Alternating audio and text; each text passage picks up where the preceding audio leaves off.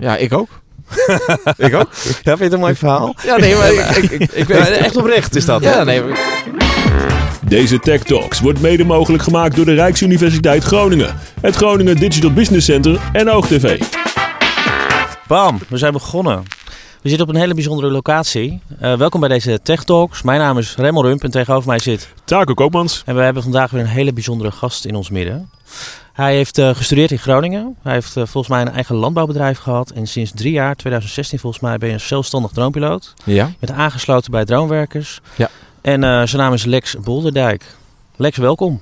ja eh, dank je. Ik ben, eh, vind het leuk om hier te mogen zitten. Jij misschien zijn wij welkom trouwens. Vertel Ja. eens, want waar zitten we Daar eigenlijk? zitten we inderdaad. Nou, we zitten hier eh, op, het, op een perceel eh, van mijn vader. Hè. Hier op de achtergrond zie je de suikerbieten en de overkant de aardappels en de gerst. En eh, we zitten hier op een stukje verharding. En ja, we zitten gewoon midden op het platteland.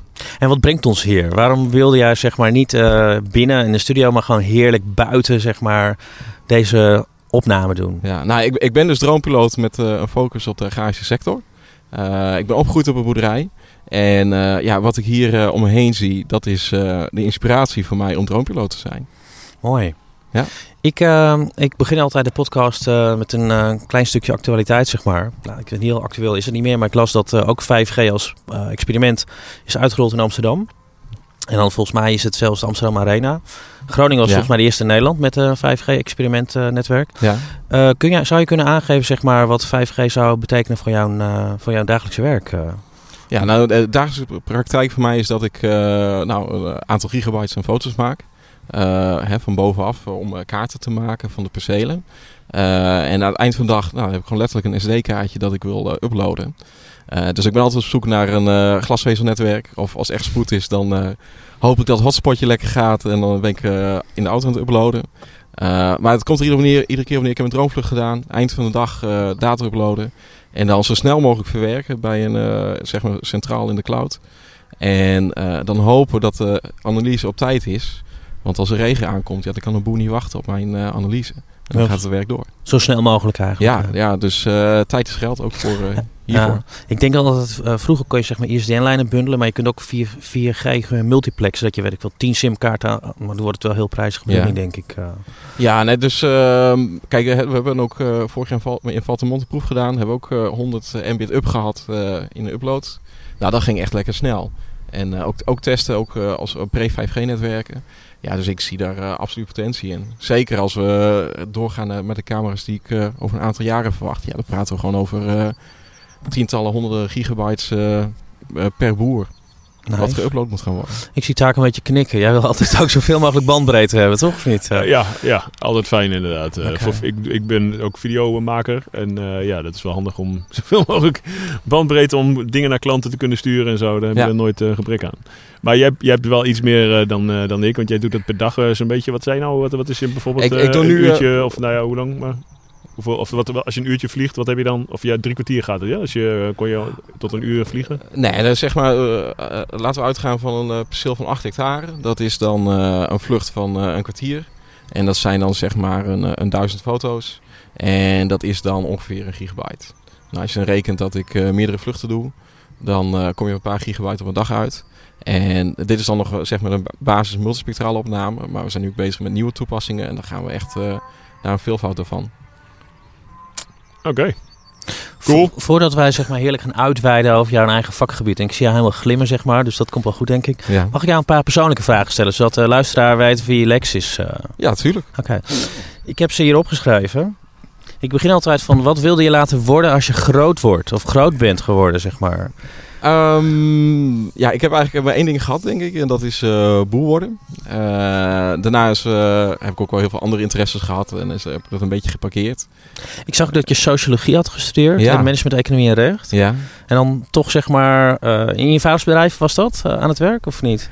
Uh, ja, ik heb uh, op een gegeven moment heb ik nog een schaakprogramma sociologie gedaan. En op een gegeven moment toen heb ik, was ik en op de boerderij aan het werk en was ik sociologie aan het doen. Ja. Oké. Okay. Ja. Is er iets waar je, waar je uh, ontzettend dankbaar voor bent? Uh? Um, nou ja, ja ik, ik hou nog steeds in die gedachte van uh, sociologie. In die zin ben ik daar wel dankbaar voor. Omdat ik, ik had het vak arbeidssociologie. Okay. En dat heeft best wel een beetje indruk op me gemaakt. Daar kreeg ik echt een, dat was best wel filosofisch. En ik dacht van ja, wat, wat, wat heb ik nou aan werk en wat voegt dat toe aan de samenleving? Dat is een hele goede vraag. Ja, ja, ja zeker. Hou ik nog steeds mee bezig. Maar, eh, en en uh, ik denk dat uh, in de basis voedselproductie, hè, je kunt heel veel discussies voeren over hè, de ethiek, over hoeveel hoe we voedsel produceren. En er is een hele wereld omheen. Maar in, de, in, in, essentie is het iets puurs. Dat heeft gewoon iets moois. Mensen voeden en in de natuur bezig zijn. En je hoeft nooit te twijfelen over het nut van het werk dat je aan het doen bent. En uh, hè, dus ik, ik heb een, een, jaar ben ik echt boer geweest en daarna ben ik ook met het bedrijf zelf begonnen. Uh, in dat jaar heb ik echt wel een beetje, ja, dat, dat gevoel heb ik wel echt aangeraakt. En dat, ja, dus, ja, ik ben ermee besmet. Oké, okay. ja. oké. Ja. Heb jij wel eens een, een, fout gemaakt of een blunder begaan en daarvan zoveel geleerd dat je denkt van, nou, dat, dat overkomt mij niet weer. Dat ga ik niet weer zo doen, zeg maar. Oh, wauw, jeetje. Um, oh, jeetje.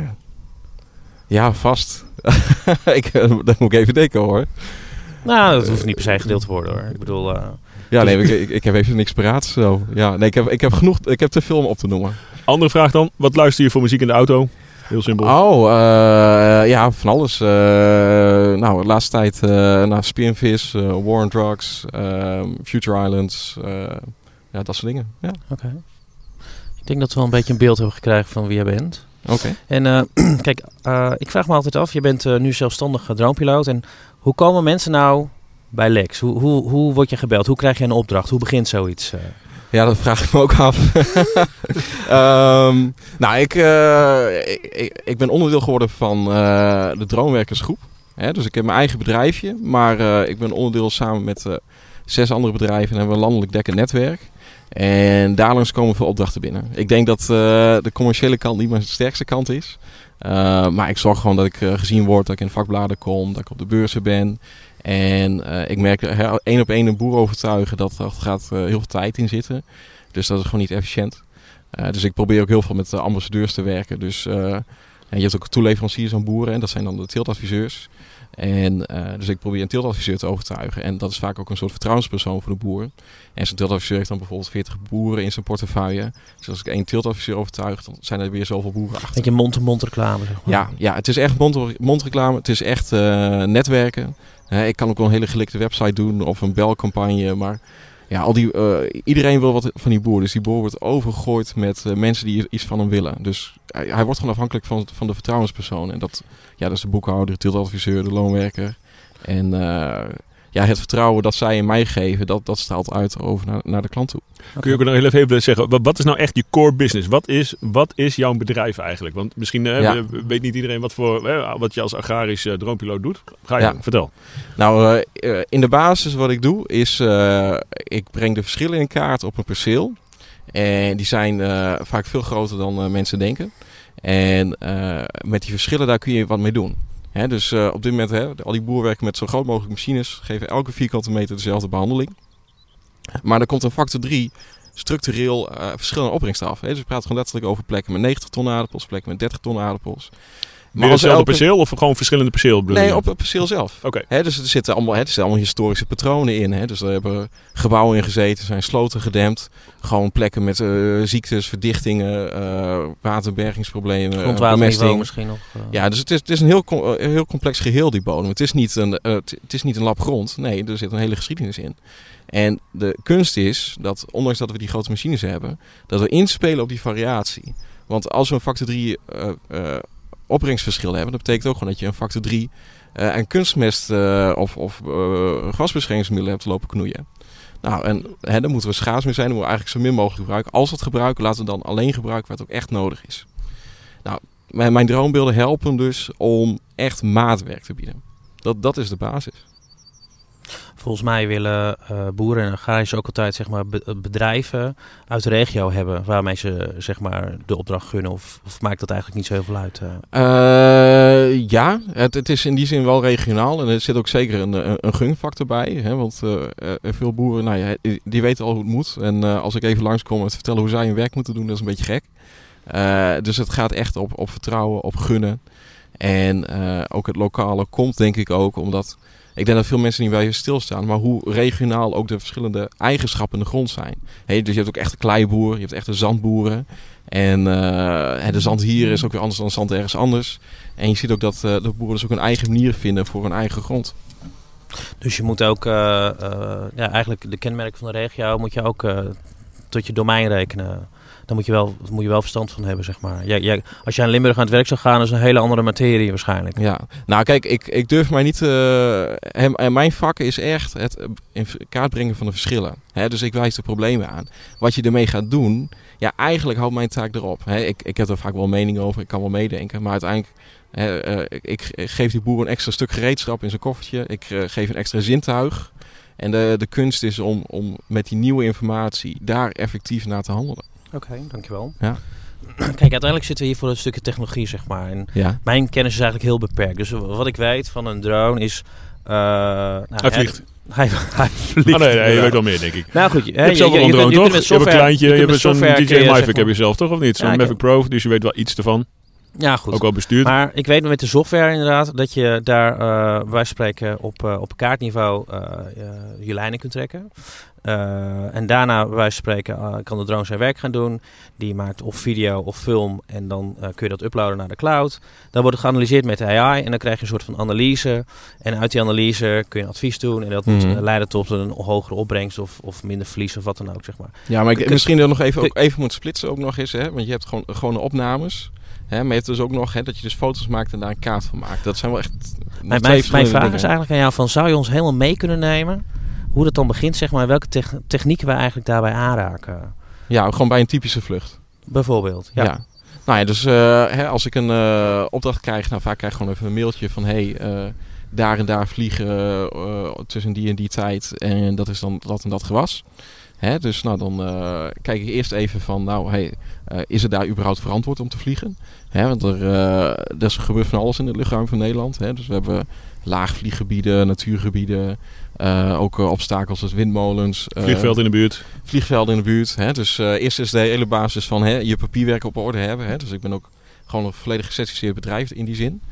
Um, hè, dus dat is de eerste basis. Kun je ergens vliegen? Nou, als dat kan, dan is ook nog een kijken van ja, hoe, hoe is het weer? Hè? Dus het liefste heb ik gewoon of egaal bewolkt. Dat is eigenlijk het allermooiste. Of compleet zonnig. Hè? Want als het half bewolkt is, dan krijgen we allemaal schaduwen, vlekken en dat vertekent het beeld.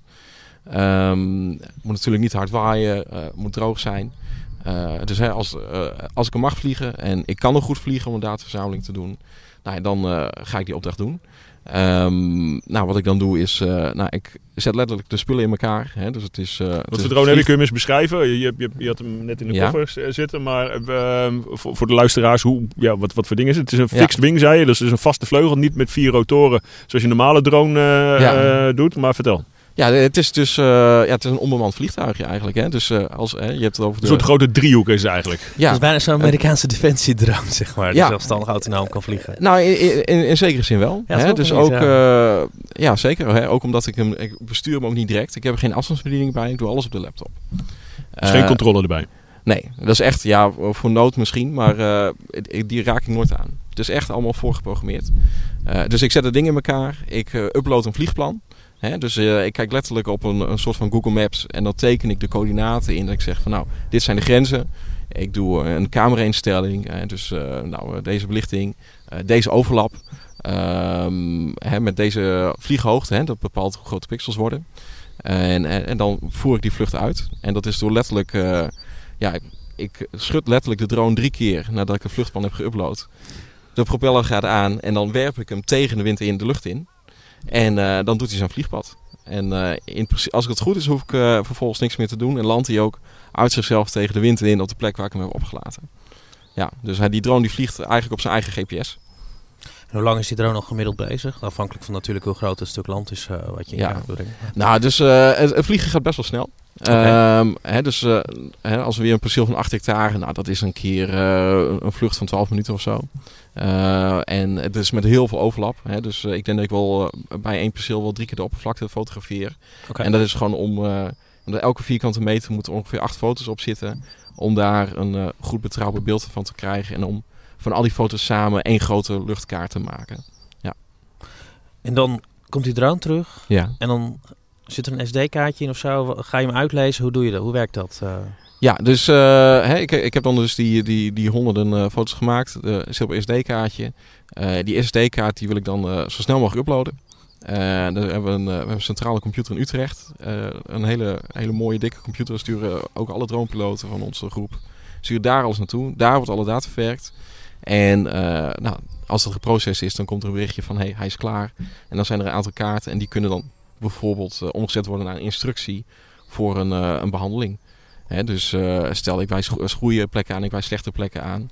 Dan kun je omzetten naar, nou we gaan op die plek bijvoorbeeld zoveel bijbemesten. En op die plek gaan we weer wat minder bijbemesten. Op die manier kunnen we dan besparingen dus jij zegt eigenlijk, ik, ik wacht totdat ik daar weer, uh, totdat, het, tot ik dat weer terugkrijg, zeg maar. Mm dat, dat is software die analyseert zeg maar, de kaartinformatie op basis van indexen of artificial intelligence. En dan kan dan advies geven, nou wat je net aangeeft. Ja. Waar meer bemesting en dergelijke moet. Uh, en daarna ga je, heb je weer een afspraak met, die, uh, met de opdrachtgever om hem van advies te voorzien? Of krijgt hij dat gewoon in zijn mailbox en dan met advies erbij of zo? Ja, nou, het, ideaal. Hè, en, uh, nou, ideaal is altijd. Ik weet het letterlijk niet, hè? Dus, nee, dat maakt niet uit. dus het ideaal is. ideaal is eigenlijk dat ik de boer nooit spreek. Hè, dus in principe moet die boer samen met zijn teeltadviseur bedenken: van hé, hey, hier is waarschijnlijk variatie waar ik ook een optimale dosering voor wil geven. Nou, dan huren ze mij in krijg ik een, uh, een opdracht om ergens te vliegen. Ik breng dan die kaart, ik laat zien waar die verschillen zijn. Hè, want die, die, die boer ziet dat op het oog ook wel, maar hoe kwantificeer je dat? Uh, die verschillen kun je dan vervolgens omzetten naar een instructie. En die instructie kan dan letterlijk, ook weer met een SD-kaartje of met een USB-stick, die prikken ze letterlijk in de trekker. En die, en die doet de handen van het stuur en die trekker gaat automatisch doseren waar wat nodig is. Dat is de theorie. En de praktijk is heel warstig in de zin van dat ik kan heel goed problemen aanwijzen. Maar wat is de reden dat het gewas een groei achterblijft? Ja, dat is vaak heel complex. Want ja, noem maar het aantal redenen wat, een plant goed doet groeien. Dat is een hele lange lijst. Hè. Dat praat je over op, op chemisch niveau. Hè. Welke voedingsstoffen zijn beschikbaar? Op biologisch niveau. Hè. Hoe reageren de virussen, schimmels en het bodemleven zonlicht. Je temperatuur, zonlicht. Uh, ook uh, hè, fysisch, dus ook gewoon hè, hoe, hoe compact is de grond? Wat is uh, de watercapaciteit, hè, zit er voldoende zuurstof in de bodem. En al die complexe processen bij elkaar, ja, dat bepaalt dat die plant groeit. Dus uh, ja, om, om te zeggen hij groeit niet, ja, zeg maar waarom. Dat, dat, is, een, uh, dat is nog best wel een puzzel. Er wordt hard aan gewerkt, maar uh, daar, daar zit op dit moment de grootste bottleneck. Oké, maar jij zegt al die factoren zeg maar, die ook van invloed zijn op de succesvolle groei van zo'n plant, zeg maar. Mm -hmm. Uh, dan brengt die drone natuurlijk niet allemaal in kaart. Uh, want het zijn allemaal externe invloeden. Nou, het, dus... tot op een zekere hoogte. Hè? Dus uh, ik, sowieso, om even, er zijn twee, twee grote paden om even een splitsing te maken. Eentje is de gewone cameratechniek, hè, waarbij we echt dingen duiden, hè, zoals Facebook, hè, die herkent gezichten op foto's. Zo herkennen wij bijvoorbeeld onkruiden in, in het gewas. Dus dat is één spoor. Een ander spoor zijn dus, hè, dus dat we kijken in andere lichtbanden, in multispectrale banden, hyperspectrale banden. Waarbij letterlijk de kleur iets zegt over de plant. Nou, als je bijvoorbeeld kijkt naar die multispectrale camera's, dan hebben we ook combinaties van specifieke banden. Hè? Dus uh, bijvoorbeeld her, uh, neer, wat bijna infrarood is, en red edge en, en groen en blauw, dat zijn gebruikelijke banden. Nou, de relatieve reflectie van die banden ten opzichte van elkaar zegt bijvoorbeeld iets over hoeveel biomasse die plant heeft. Maar dan kan ik bijvoorbeeld zeggen, hey, die plant heeft stress. En ik kan dan niet altijd zien wat de stressoorzaak is, maar wel dat het stress is. Of bijvoorbeeld wat de stikstofopname is in de plant. Ja, daar zijn wel modellen voor. Dus we kunnen wel, uh, het is niet alleen maar daar is het beter en slechter. We kunnen wel enige duiding geven. Wat, wat is voor jou betreft nog de toekomst dan, uh, wat, je, wat jouw vakgebied betreft? Kun je daar eens wat, wat, wat dingen schetsen waarvan je, die jij heel graag, graag zou willen en die er nu aankomen misschien? Kun je eens wat vertellen daarover? Nou, nou, de toekomst is wat mij betreft uh, dat we echt op plantniveau behandelingen gaan doen. Plantniveau en, gewoon, echt? Uh, echt gewoon elk, hè, dus elk plantje? Ja, dus, maar ook, ook de onkruid. Dus letterlijk, hè, ik, ik, en nou, de eerste toepassingen zijn er nu ook al voor. Dat ik gewoon letterlijk een vlucht doe en ik zeg... Op dat perceel heb je, uh, nou laten we zeggen, uh, 21.161 onkruiden staan.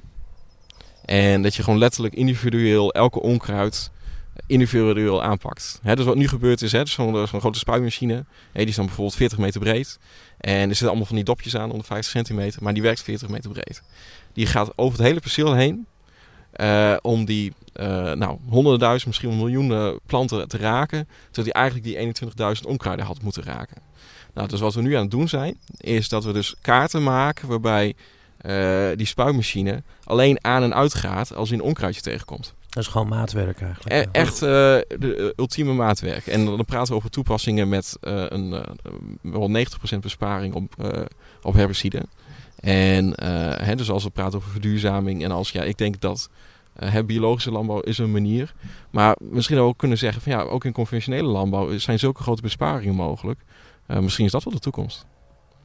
Hou je de grond dan ook fitter, zeg maar? Omdat hij minder gif uh, tot zich krijgt? Of is dat onzin? Ja, nou ja, ja, ja hey, als, je, als je praat over gewasbeschermingsmiddelen, dan uh, is het niet zo dat het, het, het perfecte middelen zijn.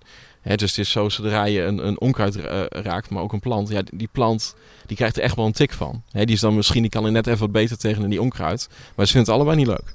Dus in die zin is dat wel een extra bonus. Nou, ik bedoel, voor, voor een nieuw gewas, zeg maar. Dat een nieuw gewas weer op diezelfde grond makkelijker tot uh, wasdom kan komen. Tenzij het helemaal plat spuit en dat het ja. gewas misschien... Ja, tenzij nou, ik, ik ben niet een expert in, in, de, in de grasbeschermingsmiddelen. Oh, dat had ik verwacht. Ik ook niet hoor. Oh, oké, oké. maar hey, dus je praat even in, ho in hoeverre het middel afbreekt. Ja, ja, en of je er nog last van hebt. Ja, klopt inderdaad. Um, ja, nee, ik, ook dat is, dat is ook weer heel betrekkelijk. Want als je bijvoorbeeld kijkt naar uh, biologische landbouw dan heb je bijvoorbeeld, je hebt ook biologische gewasbeschermingsmiddelen. en als je dan, nou, een heel bekend voorbeeld is, is met appels bijvoorbeeld. dan kun je een biologische appel kopen. En nou, die is dan, maar die is dan ook een keer bespoten, maar dan met een biologisch middel. Volgens mij is dat eh, een, kopersulfaat bijvoorbeeld. Nou, als je kopersulfaat hebt, dat is, nou, dat is helemaal niet zo prettig. Het komt wel in de natuur voor, maar dat betekent niet dat het een leuke stof is. Het is wel biologisch, maar niet... Ja, nou ja, maar precies. Dus, uh, en stel nou, uh, en, en ik ben geen fruitteler, dus uh, de details ken ik niet. Maar het, het, voorbeeld is wel breder te trekken. Je kunt ook een synthetisch middel hebben. En, hè, dus dat is gewoon door mensen gemaakt.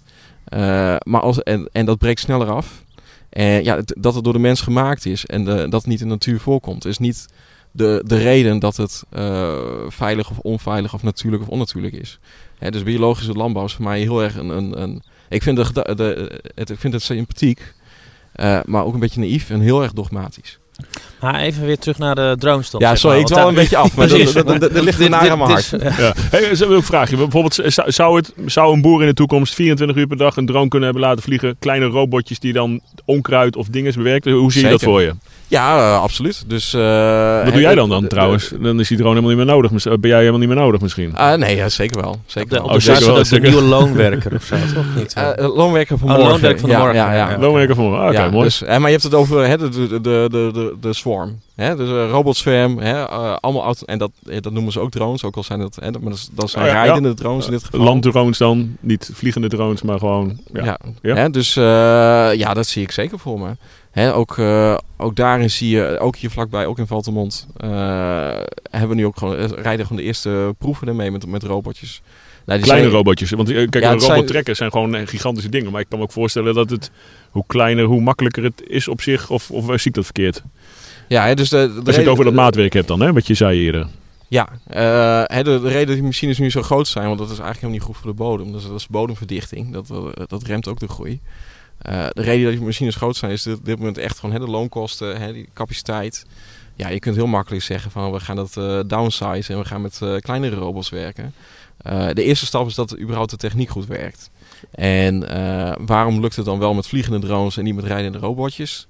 Nou, dat heeft vooral mee te maken dat om in een pad te rijden en een, een, bocht te maken, ja, dat vraagt eigenlijk nog heel, heel veel hè, beeldherkenning, AI, rekenkracht. En dat is best wel wat gedoe. En het is veel makkelijker om hem gewoon in de lucht te laten zweven.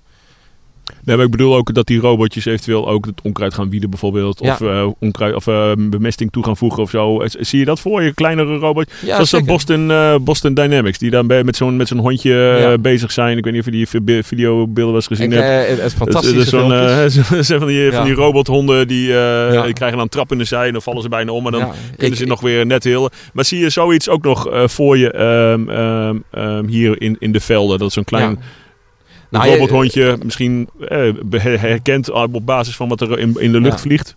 Nou, dus uh, om, om even iets dichter bij de, de, de sector te houden. Je hebt bijvoorbeeld een Mars-project, heet dat.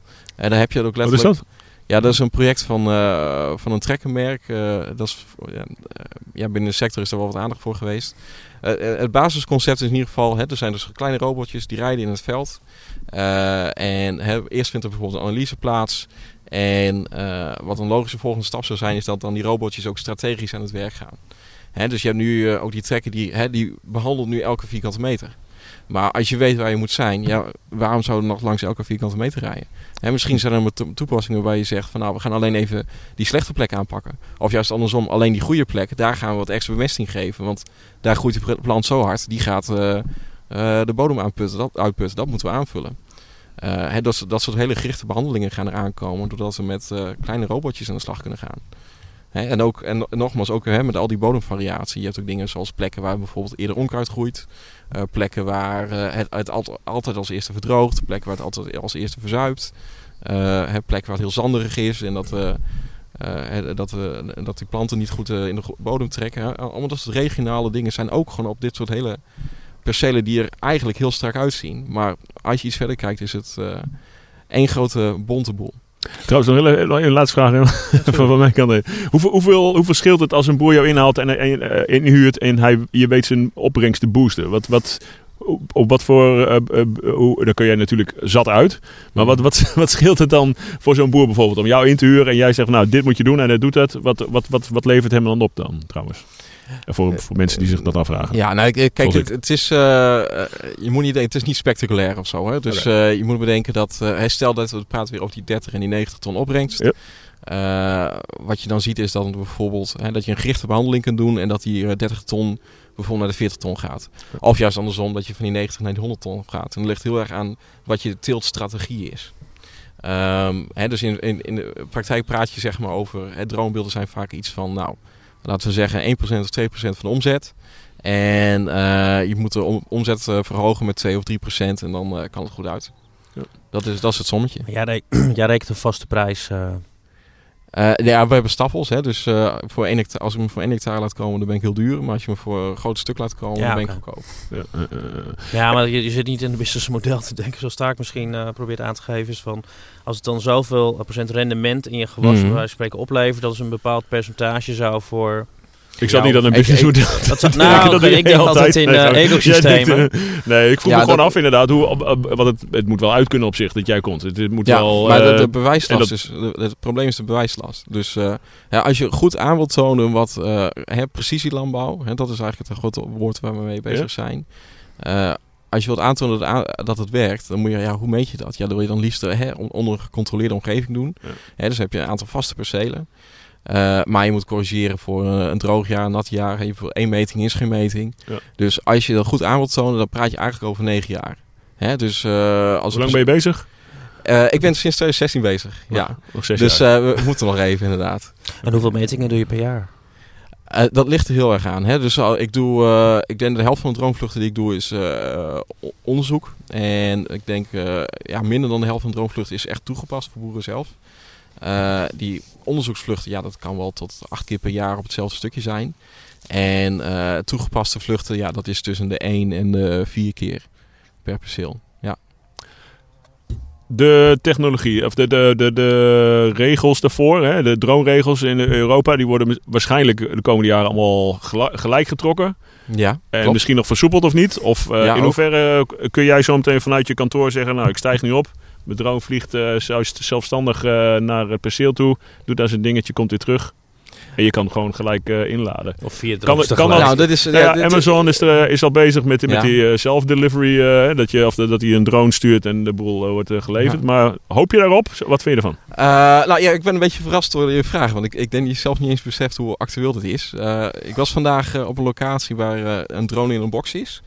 Dus uh, hè, dat... Uh, Zal je vertellen eens, wat is dat? De, hè, dus dat is letterlijk een doos. Uh, die doos gaat open, er stijgt een drone uit. Die drone doet uit zichzelf vlucht. Ja, die drone werd er afgeleverd, zeg maar. En die, per post of Nee, nee, nee. nee. Hè, dus die drone die stijgt op, die doet zijn vlucht. En die landt terug in die doos. En wat heeft gedaan is dan even een perceel in kaart gebracht. Ah, oké. Okay. Puur even specifiek op de agrarische sector. En ja, dus in, in feite, die moet dan dagelijks zijn vluchten gaan doen.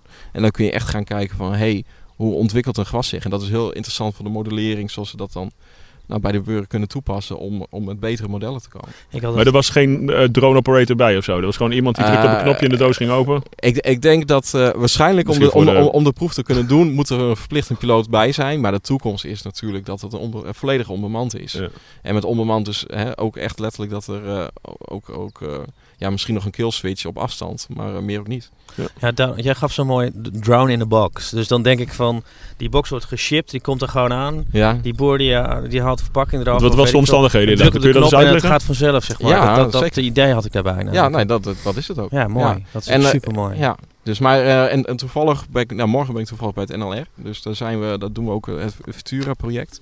Dus uh, daar doe ik dan hè, mijn, mijn standaard vlucht. Daar ergens anders vliegt ook nog een drone uh, of een Mavic met zijn eigen inspectie. En dan komt er een, het scenario is dat er een medische drone in één keer aankomt vliegen. En die kan dan voor mij part een bloedpakketje of medicijnen of wat dan ook hebben. En die komt in één keer dwars door het luchtruim dat ik voor mezelf toestemming voor heb gekregen en heb afgebakend van hé, hey, hier vlieg ik. He, daar is dan melding van gemaakt in, de, in het nieuwe... Maar die neemt dan de kortste route, zeg maar. Ja, dus die, wat die komt, die komt dan uh, dwars door mijn... Uh... Dus zo'n ambulance en verkeer moet opzij. Alleen in dit geval zijn het meerdere drones. Dus ja, dus uh, ja, die komt dwars door mijn vlieggebied heen. Die heeft de voorrang. Nou ja, dus het protocol is dan hè, dat ik gewoon moet uitwijken. maar zoiets gaat zo snel dat ik maar een paar seconden heb, heb om te reageren. Dus wat ik dan doe, hè, dan ga ik naar een soort holding pattern. Hè, dus hè, dus ik ga letterlijk cirkeltjes vliegen op één punt. En uh, die ambulance drone die vliegt door het luchtruim, door een stuk waar, waar ik een tijdelijke no-fly zone heb gekregen. En vervolgens verdwijnt die no-fly zo weer en dan ga ik weer verder met mijn missie. Nou, en dit moet een opmaat zijn hè, voor, voor een, een verkeerssysteem in de lucht. En bij voorkeur nog autonoom ook nog. Ja, dit, eh, dit is. Uh, of jij, hoe, hoe het in dit scenario gaat, is dat hè, dus die, die drone die, uh, die wil gaan vliegen, die, ge die geeft, krijgt eerst een check van hey, er zijn no, no, drive, no fly drones aangemeld. No fly zone. No fly zones aangemeld. Uh, en uh, die zijn aangekomen. En vervolgens moet ik zelf als piloot zelf, zelfstandig handelen, net als een auto in het verkeer, dat ik ook uh, uit die no-fly zone kom. En ja, en je, als je, zeker als je dan ook nog geofencing hebt, hè, zoals met uh, DJI-drones, ja, dan heb je dus ook gewoon letterlijk dat die uh, er niet doorheen wil. Dat die letterlijk echt afgebakend wordt, ook al bedien je ja, met je in de software gewoon geblokkeerd. Hij ja. doet het gewoon niet. Ja. ja. dat is nu bij de NLR dat je dat doet. Nationaal, nee, wat is dat? Uh, lucht, Nederlandse lucht- en ruimtevaart. En dat zit in? in dat, dit, deze, nee? nee, dit is, uh, die gaan we morgen in Magnessen doen. Oh, Magnessen, ja, ja. bij Magnessen zitten. Ja, oké. Okay. En daar ja, hebben ze dus, ook een, uh, ja. een zeer actuele vraag. ja, oké, okay, dat is wel mooi. Maar de, ja, wat, wat verwacht je daar verder van inderdaad? Krijgen we dan in de toekomst echt dus autonoom vliegen of zoiets. Dat, uh, en, hoe, hoe, en als je een drone hebt in, in Saudi-Arabië, zag ik dat ook ja. mensen uh, van 160 kilo drones, dat die ook als soort taxi gebruikt kunnen gaan worden. Ja. Zie je dat dan ook, of wordt dat zoiets toegele, toege, toegelegd uh, daarvoor, of is toegepast, of hoe zie je dat? Ja. Nou ja, vol, ik, ik denk net als in het verkeer, hè, ook, daar heb je ook autonome auto's en dat komt ook allemaal op. Zolang het maar veiliger is dan wanneer mensen het zelf doen. Ik denk dat dat de maat moet zijn en ja, uh, waarom niet? Ik, ik heb er alle vertrouwen in dat de techniek het beter kan dan de mensen Je krijgt zelf. ook allerlei ethische kwesties, hè? mensen willen de kabaal van die rotoren. Of, of, of, nou, het wordt allemaal steeds stiller, denk ik uiteindelijk. Worden. Maar wie weet, ja, ja goed. Je, maar, komt wel, je komt wel in iemands uh, grondgebied of iemands ja. privé. En daar gaan mensen weer wat van vinden. En... Ja, ik, ja, ik, uh, ja, misschien ben ik niet helemaal objectief, maar... Uh, ik, ik, ik, ik, vertel. denk dat het... Uh, er, zijn, er, er zijn een hoop indianenverhalen. Ja, ook uh, over dreigingen en alles. En zo. Als ja, ik het heeft met vertrouwen te maken van, ja, de, van het, publiek. Het, het is onbekendheid. Hè, ik ook, uh, hè, een mooi voorbeeld hè, was bij Vliegveld Eelde. Nou, was er dan een, uh, er werd gesproken over een dronehub. Hè, en nou, er waren, was al meteen mensen maakten zich helemaal zorgen over vliegverkeer van drones en alles. En ja, hoe kwam het op neer? Het is gewoon een cluster van een paar bedrijven. Meer is er niet. Maar dan zie je dat er al, hè, al één woord kan al zo verkeerd vallen. Um, als ik zie wat voor nou ja, geluidsoverlast tussen aanhalingstekens ik met mijn drone veroorzaak. Uh, ik denk een mooi voorbeeld is, is dit, dat uh, één op de vijf vluchten die ik doe met mijn uh, drone, dan komt er een buizerd op af. En dan denk je, nou wat zal dat zijn? Maar hoe ik vlieg met die drone, hè, dus hij maakt een patroon, maar hij heeft een bepaalde plekken, dan maakt hij een bochtje. Hè, zo vliegt heen en dan maakt, hij komt er weer terug. Dus uh, hij maakt er bijna een volledige draai. Wordt aangezien als een vogel misschien wel. Ja, dus, en omdat, het is een fixed wing, dus het is een vleugel. Dus, en die buizerds, die kijken naar elkaar, waar zit de thermiek? Ja, die, die kijken aan, aan de hand hoe andere vogels vliegen. Oh, daar is allemaal lucht. Daar hoef ik niet mijn vleugels te slaan. Dus waar ik mijn bochten maak, dus zie je standaard. Nou, daar gaat een buis naartoe. En vervolgens zie je hem zo vervolgens, nou wel tot een kilometer uh, omhoog cirkelen. En gaat hij zijn vluchtje doen. Dus de vogels kijken de technologie af? Ja, ja, in zekere zin wel. Dus als, als we praten over overlast, ja, een buizerd die de drone aanziet voor een plek van hé, hey, er zit een thermiekbel. Ja, ja, waar hebben we het over? Ik, ik zie het meer als, als een, een toevoeging. Want hoe goed worden drones nu? Hè? Ik heb een Phantom 4 Pro van DJI. Uh, ik kan hem in de lucht hangen, laten hangen 20 minuten lang. Ja. Mijn schermpje, wat het zo goed is in die namelijk, het schermpje van dit LCD-scherm, dat wordt nog wel zwart met warmte. Hmm. Afgelopen weekend nog gehad. Uh, de, de, de gimbal is niet helemaal lekker of zo, maar het ding zelf ja, dat vliegt dat is net het zit zo, zo, zo, vast als een baksteen in de luchtbuis. Ja, dat is echt verkeerd, maar het zit super sterk in de lucht. zijn positie vast. Hij houdt ja. super zijn positie vast. Ja, en ook nog obstakelontwijking. Obstakelontwijking van alles en zo. En dit is nou ja, een vier, vierde, vijfde generatie van, van wat DJI heeft of zo. Ja, vier, hè, Phantom 4. Vierde vier, ja, dit is de pro-versie dan. Misschien nog net een tikkie 4. Ik, ik, ik, ik heb hetzelfde. Maar dus, je hebt hetzelfde. Maar goed, nou ja, het is, maar hoe, hoe zie jij dat nog verder? Het wordt alleen maar beter. Of uh, met meer uh, sensoren, meer uh, GPS, dubbele GPS dinges. Nou, noem het maar op. Wat, hoe zie je dat? Nou ja, kijk, uh, over tien jaar. technisch kan er heel veel. Dus uh, de vraag is in eerste plaats is van uh, welk doel willen we bereiken en hoe kunnen we het beste doen. En over engineeren heeft niet zoveel zin. Dus, Voor ehm, veiligheid niet? Nee. Nou, nou ja, als het maar veilig gebeurt. Ja, okay. hè, dus hè, je, je kunt er drie GPS-ontvangers en je kunt er zes ja, opbouwen als het maar veilig is. Ja. Um, ja, dus en de vraag ja, over tien jaar, jeetje. Uh, mijn bril is heel erg op de agrarische sector. Uh, ik denk dat we over tien jaar echt, uh, echt met autonome robots uh, en autonome vliegende drones zitten. ik denk ook dat het een van de eerste plekken is, simpelweg omdat het heel veilig kan. Omdat de kans op botsingen met mensen is gewoon het kleinst. De kans op brand, op kans op botsingen tegen gebouwen. Ja, het is open, open gebied. Dus waar zou je het anders Zie doen? jij ook dat het steeds meer een commodity wordt, zeg maar? En dat uh, boeren en agrariërs dat zelfstandig kunnen doen tot een bepaald niveau. En dat, dat het echte specialisme, zeg maar, dat ze jou daarvoor vragen? Nou, ik denk, ik, je ziet nu al een soort uh, splitsing tussen, uh, zeg maar, nou, met alle respect, de, de, kleinere en de grotere boeren. Ik denk dat de boer die alles zelf kon, hè, dat, dat is echt jaren 50 en dat kan niet. Het, boer zijn is te complex, je moet te veel weten, te veel kunnen. Dus uh, je, komt gewoon, uh, je komt gewoon een aantal partijen om je heen die hun eigen specialisme hebben en dat je dat moet managen. Dus een boer wordt veel meer een, een manager van zijn eigen bedrijf dan dat hij uh, elke vierkante meter in detail kent. Ja, je kunt niet en boekhouder en monteur en bioloog en ondernemer. Dat, het is te veel. Agromanager. Agromanager. Dus dat is de toekomst. En de vraag is een beetje hoe, hoe zich dat dan gaat uitkristalliseren. Ik denk zeker dat, dat uh, het beroep teeltadviseur, hè, dus de, degene die de planten begeleidt, dat beroep gaat compleet op zijn kop. Dat gaat heruitgevonden worden. Dat gaat echt zijn een, een, echt een strategieën verzinnen, uh, minder grondstoffen. Uh, en techniek is de, middel, de manier om dat mogelijk te maken. Met, met nieuwe technologie komen ook nieuwe jobs natuurlijk. Hè? Dat is wat jij beschrijft. ja. Dus uh, absoluut. Hè, dat, uh, kijk ook hoe we hier uh, voedsel produceren. Hè, dus we, gaan het nooit winnen van een Roemenië, Oekraïne, een Rusland op kostprijs. Dat moeten we ook helemaal niet willen. Wat we moeten doen is waarde creëren. En met techniek kunnen we heel goed registreren hoe we alles doen. En daarmee kunnen we een, een transparante voedselproductieketen maken. En we kunnen dus gewoon letterlijk zeggen, nou deze uh, dit uh, pak uh, suiker is, komt van dit bedrijf. En dat bedrijf heeft dit gedaan om aan biodiversiteit. Heeft dit gedaan om de bodem spaarzaam mee om te gaan. En heeft dit gedaan om de insecten in stand te houden.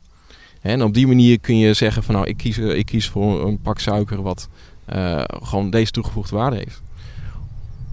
Nog even iets, iets terug even over de autonomie van een drone. Uh, hoe, hoe, moeten, moeten we überhaupt nog... Ik heb ook een ROC Light vergunning, uh, of eh, ontheffing heet dat zelfs. Nee, ja, ontheffing is het inderdaad. Ik heb geen vergunning. Dus dit is een, een, een lichte variant van uh, de zwaardere vergunning die jij hebt om echt met de zware drones te vliegen. Ik mm. kan hem wel gebruiken om wat shots mee te maken. Voor mijn werk als videoproducent. Maar ehm, heb, hebben, hebben we dat zometeen nog nodig? Net zoals zelfrijdende auto's. Zijn drones zometeen ook zelfstandig? Dat je gewoon, hij, hij vliegt al, kan al achter je mhm. aanvliegen op zich. Dat je met een app geloof ik, uh, of uh, dat je iets uh, aanvinkt of doet of zo. Of dat je, eigenlijk heb je niet een controle nodig. Hoe zie je dat nou, voor je nog? bewegende objecten aan. Achter bewegende objecten aan. Of, uh, ja. nou ja, of dat je zegt van nou, maak even een shotje daarvan of zo. Weet ik veel. Kan ja. het zo meteen? Hoe, hoe, zie je dat? Nou, kijk, de, de, regelgeving loopt heel erg achter op wat er technisch mogelijk is. Hè. Dat, dat gebeurt altijd. En zeker, zeker als het uh, zo snel allemaal gaat. ik zeg ook altijd, ik, ik, heb een, ik heb een zwaar vrachtwagenrijbewijs, maar ik rij op een brommer. En hè, dus ik, ik mag een drone van 150 kilo besturen. Ja. En ik mag er god weet ik wat allemaal mee doen. Ja, maar ik vlieg met een drone van 750 gram. Hè, maar omdat ik 500 meter ver wil vliegen en straks mag het op, op zich. Dus ik, ik kan al, als ik hem maar goed kan zien, 800 meter ver vliegen. Maar ja, goed, het is 750 gram. Als het op je hoofd valt, ja, je hebt een bijl. Maar daar, daar houdt het wel zo'n beetje mee op. En, maar ik ben wel medisch gekeurd. Ik ben uh, verzekerd tegen vliegtuigkaping. Ik heb een theorie en een praktijkexamen. Ik ben als uh, bedrijf gecertificeerd. De hele rambam heb ik helemaal gehad. Um, Welkom in Nederland. Ja, ja. Dus maar natuurlijk, dat gaat allemaal versoepeld worden. En dan zie je gelukkig, ik ben blij met de nieuwe Europese regelgeving, want dan gaat het voor ons een stuk makkelijker maken. Ja, heb, je al een beetje, een beetje, heb je een beetje gevolgd? Wat, wat, wat gaat er veranderen of wat, wat, wat, wat hoop je? Uh, nou, wat voor mij zelf uh, heel belangrijk is, is dat het risk-based wordt. Hè? Dus de, de impact die de drone heeft, hè? dus gewoon hè, de hoeveelheid energie waarmee het landt en, wat voor klap het is, dat wordt meegewogen in de, in de risico's. En juist omdat die fixed wings dus heel licht zijn en weinig impact hebben als ze crashen, dat zorgt ervoor dat we gewoon meer dingen ermee kunnen. Dus eigenlijk, en dat, dat, eigenlijk verbaast me dat een beetje. Ik zie dat ook in nu met testen dat er boven steden gevlogen wordt. Ja, waarom doen we dat niet met de meest veilige drones? En dat zijn gewoon die, die grote stukken schuim en dat zijn fixed wings. Dus wat mij betreft gaan we ook gewoon boven steden gaan vliegen. Waarom niet? Ja, zolang, uh, zolang er geen ernstige ongelukken kunnen gebeuren. Dan ja, dat is een van de regels. Hè? Niet boven aaneengesloten bebouwing, niet boven een menigte. Ja. Tenminste, dat heb ik. ik mag, maar wat is uh, aaneengesloten gebouw, Ja, wat is een menigte? 12 personen. ik ben, ik heb ben is... toevallig in een pretpark geweest. En een attractie uh, is geen aaneengesloten bebouwing, heeft mijn verzekering verteld. Dus een achtbaan of zo. Maar hij zegt risk-based, jij zegt verzekering. En verzekering gaat vanuit risk-based, gaat hij bepalen en vaststellen, zeg maar... Twee, drie, twee huizen aan elkaar is al aaneengesloten bebouwing. Toch? Ja, maar er is nu toevallig ook weer net uit. Ja, misschien een beetje technisch verhaal. Maar er is nu ook net een nieuw stand, standaard scenario uit. Om in de buurt van mensen en gesloten bebouwing, uh, aan in gesloten bebouwing te vliegen. Okay. Waardoor het dus ook voor ROC-houders makkelijker wordt om dat soort vluchten uit te voeren. Ja, ja, ja. ja, want ik mag 50 meter hoog, 100 meter ver. Uh, niet uh, boven uh, aan neergesloten bouwing, niet boven menigte. Dat zijn twaalf mensen of meer. Ja, zijn twaalf mensen, is, volgens mij is dat niet eens... zelfs daar is geen jurisprudentie over. Volgens mij is dat ook gewoon... het, dat is wat, wat mijn verzekering zegt in elk geval. En dat, nou ja, die geloof ik wel. Of tenminste, anders keert hij niet uit. Dus nou ja, dan is voor mij dan vrij makkelijk. Ja, maar dat is een arbitraire norm. Ja, dat zijn nou, voorwaarden vaak. Ja, nou ja, goed. Maar, nou ja, goed, maar nou ja, als dat allemaal wat soepeler wordt inderdaad, dat zou mooi zijn wat dat betreft. Ja. Ah, grappig. Ja. Want jij volg je dat? Uh, of, hoe, hoe, neem jij je drone nieuws tot je? Um, Misschien nou, voor luisteraars die ook een beetje wat willen volgen. Of, uh... Uh, nou ja, kijk, ik, ik, heb ook wel eens een keer... nou, een Drone kijk ik ook wel eens een keer af en toe. Maar ja, ik richt me vooral echt op de agrarische sector nogmaals. Dus ja. er komt zoveel informatie uit van nieuwe cameratechnieken, nieuwe drones. maar ook nieuwe toepassingen met de camera's en de drones en de satellietbeelden dat ik, ik kan wel een dag in de week besteden alleen maar om bij te blijven met wat er allemaal aankomt. Dus dat is niet te doen. Uh, dus uh, ja, ik, uh, ik, denk dat LinkedIn nog wel mijn belangrijkste bron is. Oké, okay, ja. ja. ja. Kun je iets aangeven over de samenwerking met TNO? Uh, Oké, okay. uh, nou ja, dat, uh, ik, ik doe niet heel veel met TNO. Ik heb wel vorig jaar hebben we een, hebben we een beetje een soort concept uitgewerkt van wat we kunnen doen met drones en 5G internet. Um, dat ging dan ook weer inderdaad hè, over die uh, wat daarin denk ik vooral interessant is, is niet dat er één drone is of één robot is, maar hoe wordt er nou slim samengewerkt. dus dan gaat het over in eerste instantie gewoon hè, dat we eerst een globale indruk krijgen van waar ergens iets aan de hand is. Dat we een gerichte strategie vinden voor bepaalde plekken is meer capaciteit nodig. En vervolgens daar dan zeg maar een groter deel van de zwerm neerzetten. En daar een klein deel van de zwerm die dan zijn werk doet. Uh, maar ook uh, dat er heel hè, slim gereden wordt. Hè? Dus stel, er is één robotje die heeft te veel werk. Dat hij dan ook hè, dat daar capaciteit naartoe gaat. Maar die robot ook op tijd terugkomt om zich bijvoorbeeld bij te laden. Dus ja, dat, dat zijn de toepassingen met TNO. En, en wat er ook wel interessant is, is denk ik dat ze ook heel erg kijken naar eh, lokale dataverwerking. Zijn dat, dus, sorry, zijn dat simulaties? Of gebeurt dat in het echt al, zeg maar, op, op, gewoon op de grond waar wij nu staan? Ja, nou, met TNO was echt, uh, echt een simulatie. was echt een, een, een concept.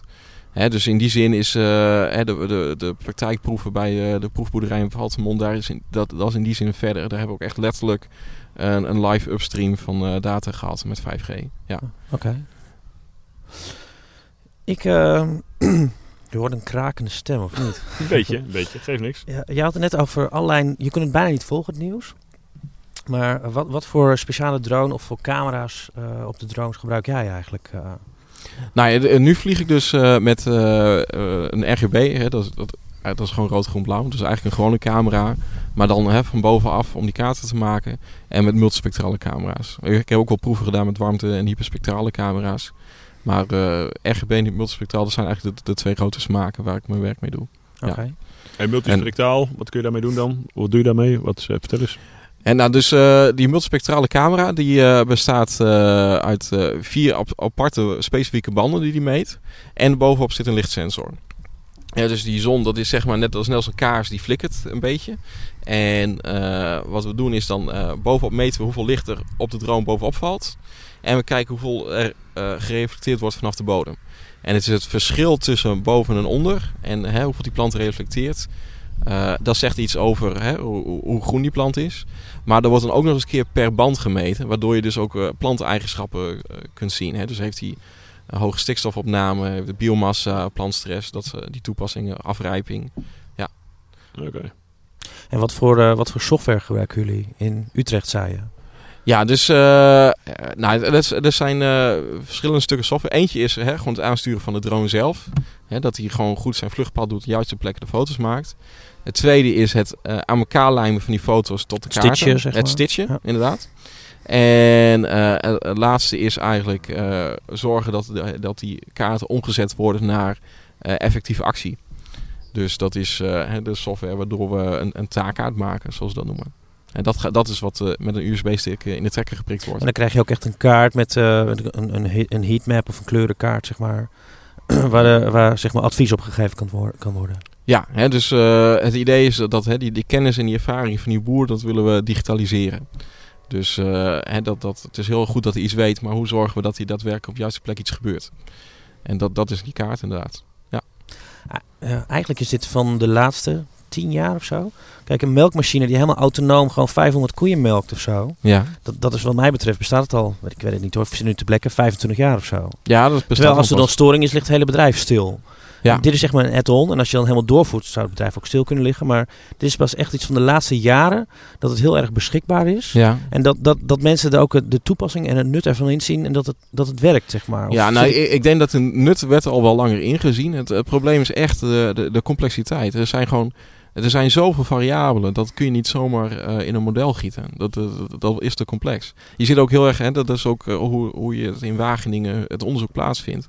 Hè, daar hebben ze iets van, nou dat is een bepaalde afweging, daar gaan we iets meten en uh, dan moet de boer of dit beslissen of dat beslissen aan de hand van deze, en deze meting.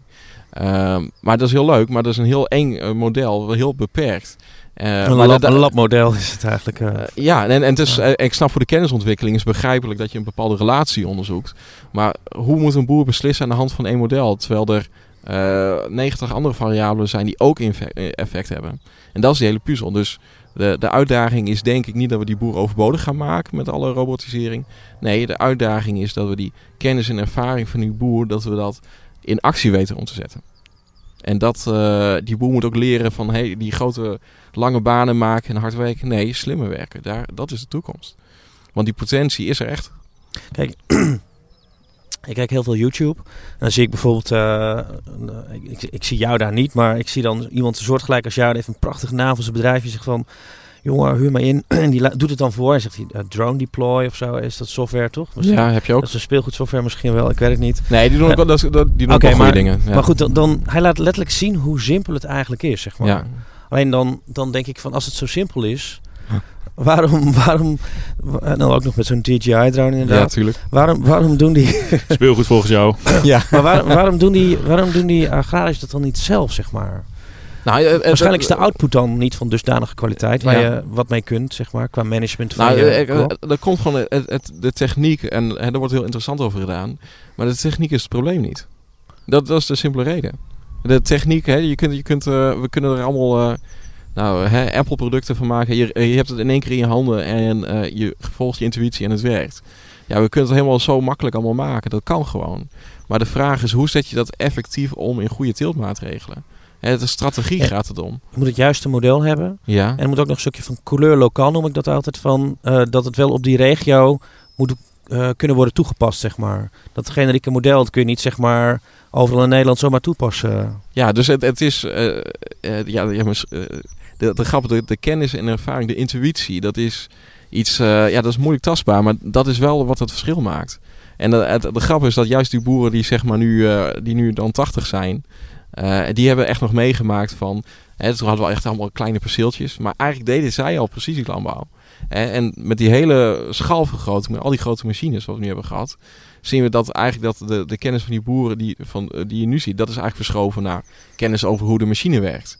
En eigenlijk die hele oude boeren, die, hè, die, die, die, keken, uh, die keken omhoog, die weten wat het weer morgen wordt. Die keken naar een plant en die denken, die gaan we als eerste oogsten. En die keken daar en die denken, nou, dan gaan we een of andere meststof die we niet meer gebruiken, dat moet daar even op. Die, die, eh, en allemaal gebaseerd op ervaring, allemaal op intuïtie. Uh, wat eigenlijk dus helemaal, ja, het is misschien niet sexy of, of niet, niet vastgelegd. Maar daar gaat het naartoe. Want, Valt het niet te onder, uiteindelijk ooit te ondervangen door, weet ik veel, kunstmatige intelligentie? Of is dat niet zo? Of, nou, mijn, mijn stelling is, is, heel erg van juist niet. Omdat om, er zijn gewoon te veel variabelen. Er, is geen, er zijn te weinig metingen. En, en uiteindelijk denk je van ja, als je maar genoeg data hebt, dan kom je er vanzelf wel.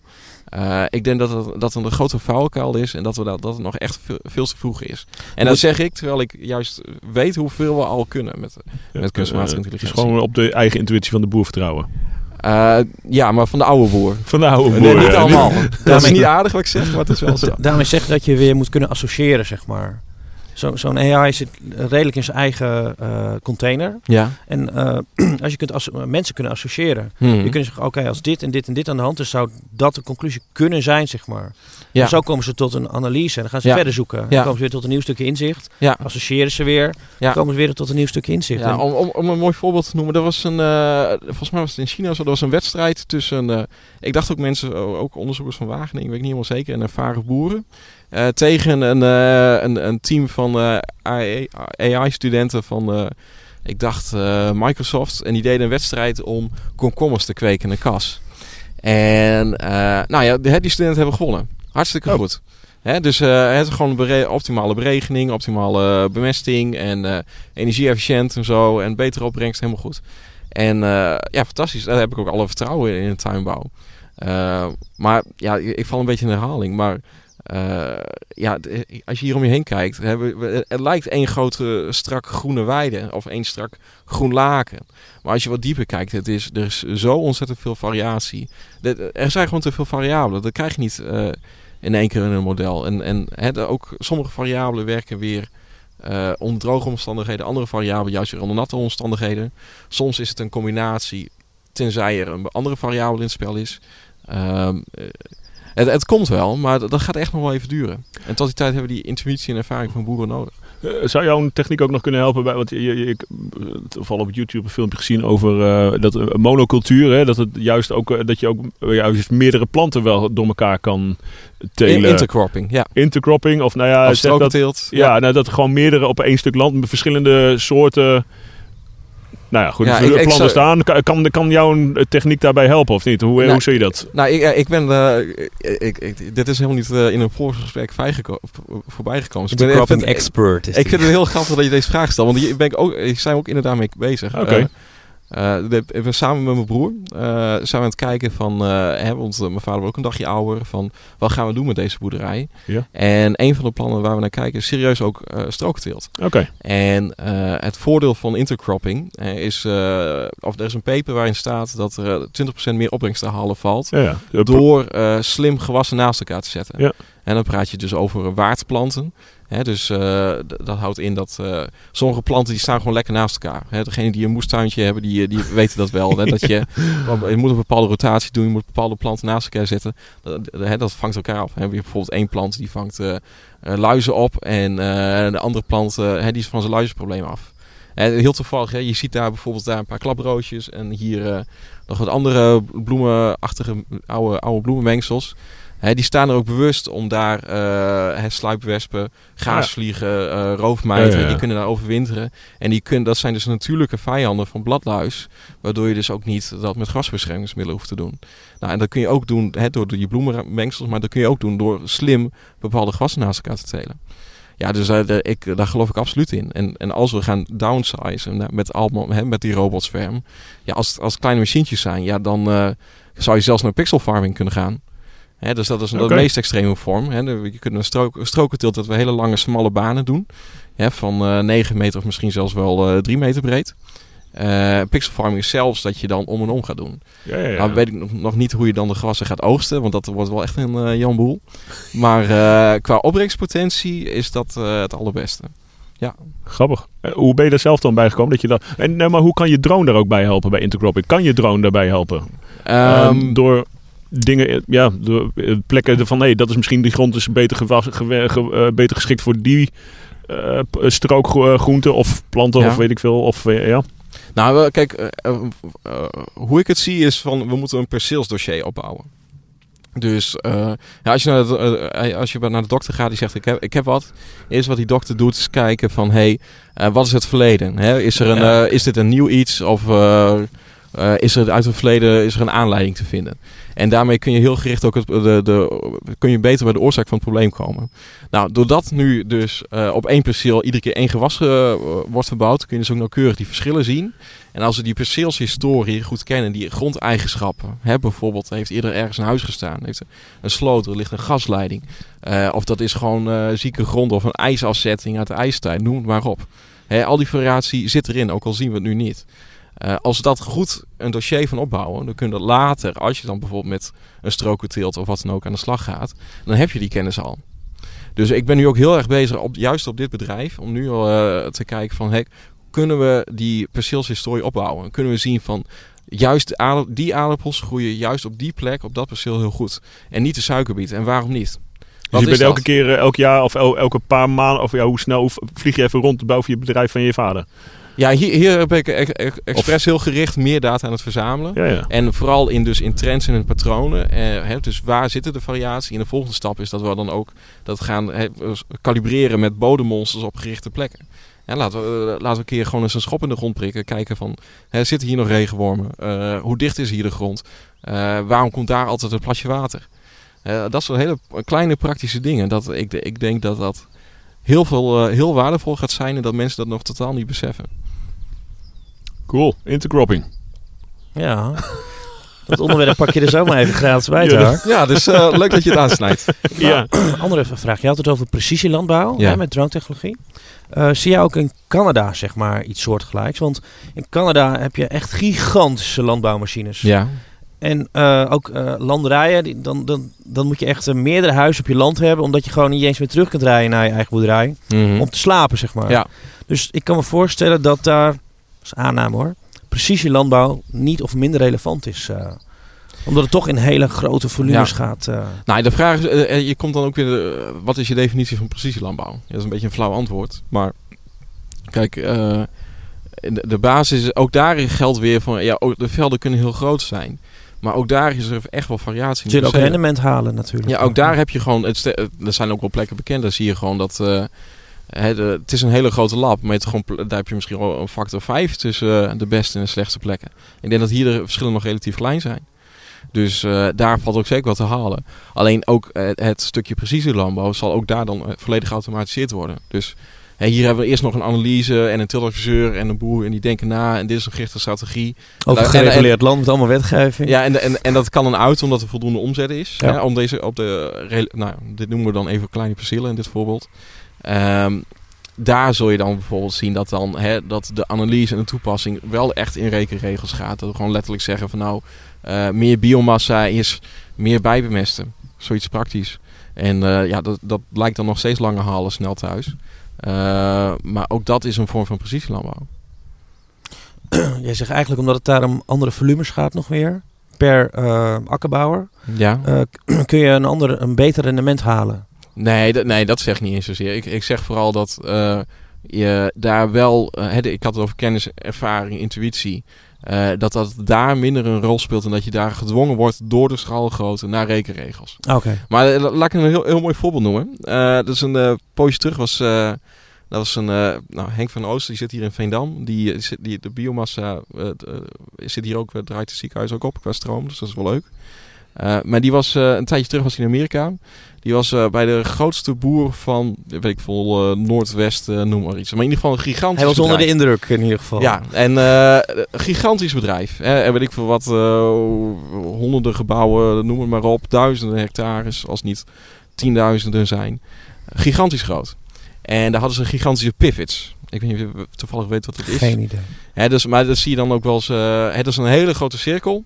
En één groot een middenpunt en een grote boom. En die, uh, die boom die doet niks anders dan een rondje draaien over die cirkel. En die kan dan eigenlijk heel gericht bemesten uh, via uh, het water en noem het maar op. Dat gaat allemaal via die boom. Kan fantastisch goed werken.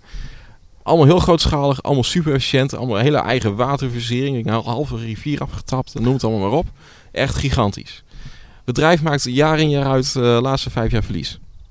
Zeg het maar. Hè, en hè, allemaal top of the bill, helemaal goed. En uh, weet ik veel wat, kersen en noem het maar op, verbouwen van alles. Hele geweldige product. Maar ze draaien gewoon verlies. Hm. En dan moet je toch de vraag stellen van ja, als we dat allemaal met die grote schaalgrootte doen. Ja, waar zijn we mee bezig als, als zo'n bedrijf verlies maakt? Dus groter is niet altijd beter. Nee, bij deze. Ja. Hoe lang zijn we al bezig, uh, Taak? We zitten op de 1, uh, 1 uur en 3 minuten. Oké. Okay. Dus uh, ja, ik heb, uh, ja, het vliegt voorbij op zich ja, de tijd. Uh, gaat inderdaad ja. heel snel voorbij. Nog even, even een vraag nog. Je, je bent, uh, nou, wat je zei je bij de NLR in Mark Nessen ga je zo'n experimenten doen. Wat voor zelf zou je nog voor experimenten zelf nog willen doen? Dat je denkt van nou, als ik toch, als ik zelf, ik, uh, waar ze me altijd voor kunnen wakker maken of waar ik zelf ja. nog een keer zou willen doen. Of, nou. nou, dat is een spuitdrone. Een spuitdrone? Een spuitdrone. Vertel. En uh, heel praktisch. Hè? Dus uh, wat je nu als een dosering hebt is... Uh, hè, dus je hebt dan een grote machine met een grote tank... en er zit dan een paar duizend liter water in... en dan gaat, weet ik wat, een paar liter middel in. En hè, dat gaat dan vol velds en noem het allemaal maar op. en nou, we hebben dus nu toepassingen... dat we dus echt gericht gaan doen naar 90% of meer besparingen. Als we dat dan volgens ook nog met nieuwe spuittechnieken doen... dan praten we gewoon over... Uh, wel 95% of 98% besparing aan middelen. Uh, waar ik echt heel erg voor zou pleiten is van hè, als we praten over, hè, over biologisch of duurzaam of wat dan ook. Uh, er wordt heel dogmatisch over gepraat. Ik zou zeggen, laten we het praktisch houden. Hè? Dus, maar hoe zie je dat voor je? Want ik zie... sorry, ik wil toch ja, even... Ja, sorry, ik ga heel eventjes door, sorry. Ja. Dus hè, om, een heel, heel mooi voorbeeld is denk ik Roundup. Hè, er is heel veel discussie over glyfosaat. maar, Kankerverwekkend. Ja, hè, en... en blijkbaar is het troep. Hè? De, nou, de meningen zijn er wel. Het is nog wel controversieel. In ieder geval wel. Het is ook verboden voor uh, professioneel gebruik, begrijp ik. Uh, ja, nee, voor, voor, voor burgers ja? Ja, voor burgers juist wel. Voor, voor burgers, burgers, gaat het verboden worden. En dat heeft ermee te maken dat burgers er echt veel te veel mee doen. Die knoeien echt uh, erop los. Ja, ja, ja. Dat is, zonder, dat is niet even een mening van mij, maar dat is zeker. Wordt maar, gebruikt, ja, maar, maar, maar, waar ik even naartoe wil, is dat die, de Ik, ik, ben echt ook voor. Ik, ik ben echt wel progressief en ik wil echt een betere wereld, noem het maar, maar op. Maar ik, ik ben er wel heel pragmatisch in.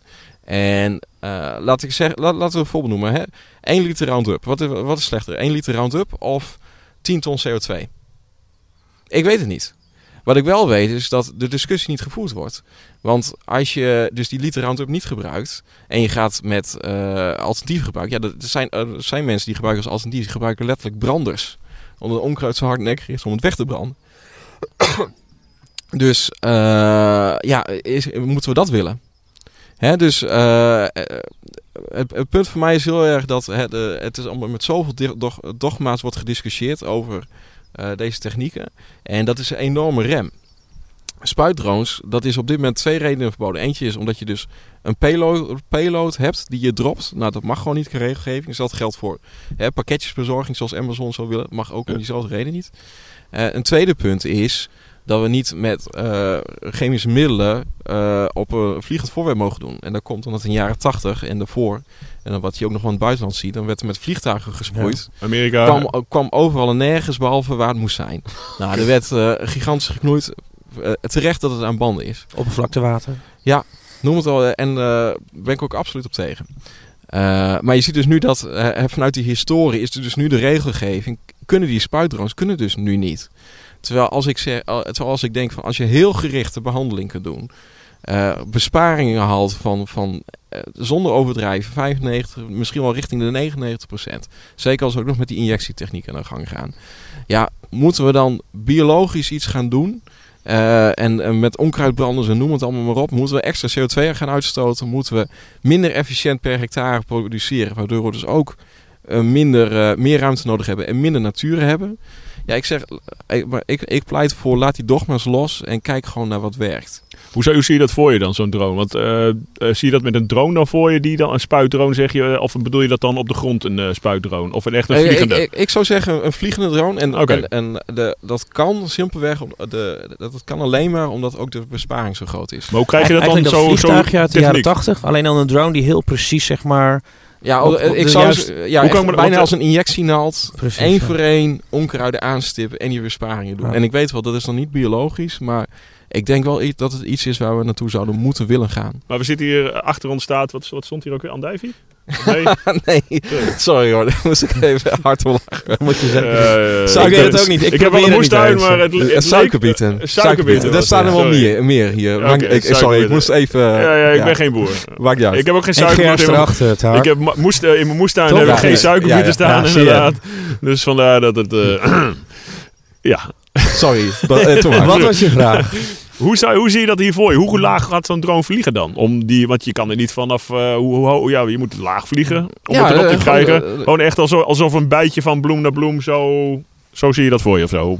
Ja, ja, uiteindelijk wel. Hè. Dus uh, eerst een uh, hoge resolutiekaart hè, met, met, een, met een gewone drone om een, een, kaart te brengen. Waar is, waar is alles? Hoe gebeurt alles? En dan uh, kijken of de schadedrempel overtreden is. Hè? Want misschien dat we wel zeggen van nou, er staat zo weinig onkruid. Dit accepteren we gewoon. Hè? Want dat soort afwegingen kunnen nu eigenlijk niet goed plaatsvinden. Hè? Behalve dan weer intuïtie, ervaring van de boer. En dat gebeurt dus ook vaak genoeg. Um, dus, maar, hè, dus die schadedrempel is, eh, als die gehaald is, dan kun je zeggen, nou we gaan een gerichte strategie. Of als er echt heel dik op staat, dan kan, nog, kan het goedkoper zijn om te zeggen, we doen wel volvelds. Maar laten we die afweging maken. Laten we zorgen dat die technieken die, die kunnen ontwikkeld worden. Dat is echt wat te doen. Maar dat wordt nu niet gedaan omdat de regelgeving uh, het toch niet toelaat. Wat, wat heb je daarvoor nodig? Een drone die 10 kilo payload? Hoeveel, hoe, hoeveel heb je ervoor uh, nodig? Of, of, ik, ik, heb contact met een, uh, een dronebouwer in Servië. En ik zou heel graag met een, een product zoiets als dit willen ontwikkelen. Maar ja, ik, ik, eh, ja, dat vraagt gewoon een bepaalde investering. En uh, ja, als het toch niet mag, ja, waarom zou ik het doen? Ja. Nou ja, gewoon, zou je, zou je een rechtszaak willen overwegen? Gewoon doen ik, ik, zou graag en dan kijken wat eruit komt en zeggen van... joh, dit is gewoon, de regelgeving moet anders. Uh, zou zoiets werken ook überhaupt? Ja, ik, wat ik, uh, ik, ik denk dat de beste route, en ik, ik ben ook wel een beetje op de achtergrond mee bezig, maar dit is niet, uh, ik, ik, ik doe duizend dingen tegelijk, dus dit is, dit is een van de vele plannen. Uh, ik probeer een, een, een, een potje vrij te maken om te laten zien, al was het maar met water, om te laten zien dat het kan. En ik denk dat als mensen zien wat de potentie van de techniek is, en, en plus waar ik dan net voor pleitte van ja, het alternatief is gewoon meer CO2-uitstoot of een, minder productieve gronden en meer verspilling. Ja, laten we dit gewoon serieus overwegen en dit gaan doen. Dus, maar en, en, in plaats van, je hebt, je het nu over Roundup. Stel dat mensen dat nog een beetje eng vinden. Je hebt het al over water, maar een, een, biologisch uh, ja, een, middel of zoiets. Dat je het wel kan proberen. En dat, ja. dat mensen niet zo op hun achterste benen gaan staan. Uh, want uh, ja, uh, ja, kijk, voor heb je een perceeltje mij... achteraf ergens dat je het zelf wel kan proberen. Ja, het, het, gaat maar, het, gaat niet die, het gaat maar niet om de.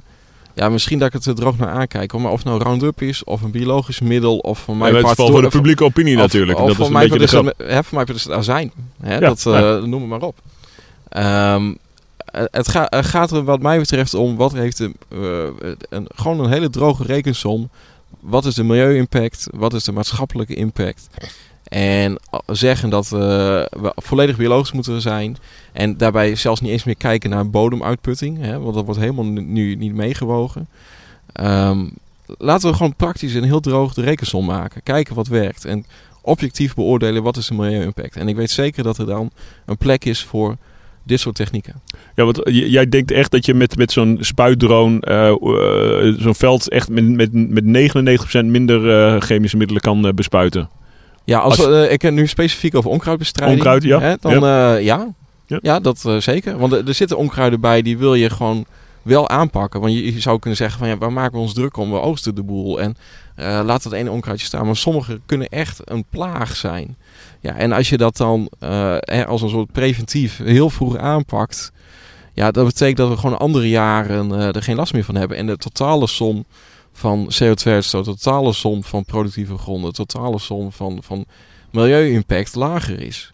Hè, maar nog die, die ja, droge rekensom, laten we de, die maken. De driver ligt ook zeg maar bij de uh, bij dit geval de, de akkerbouwer zelf. Want dan krijgt hij een hogere opbrengst tegen minder kosten. Ja, Terwijl... en, en met minder grond, uh, grondstofverspilling. Ja, ik vergelijk het een beetje met de uh, farmaceutische industrie, zeg maar. Die ja. zit eigenlijk nergens op te wachten. willen mensen eigenlijk helemaal niet gezond maken. Pilletje erin. Ja, toch, dat is een verdienmodel. Ja, ja. Terwijl Monsanto, Monsanto van wie Monsanto, is het? Monsanto. Ja. Is dat uh, Roundup? Uh, ja, oké. Volgens mij die, die, die, wil eigenlijk zoveel mogelijk van dat speel shippen. Dus die, ja, zal, nou, zal zelf hier niet mee komen. Dus ik zit eigenlijk te kijken, waardoor ontstaat het, zeg maar, dat dit gaat werken?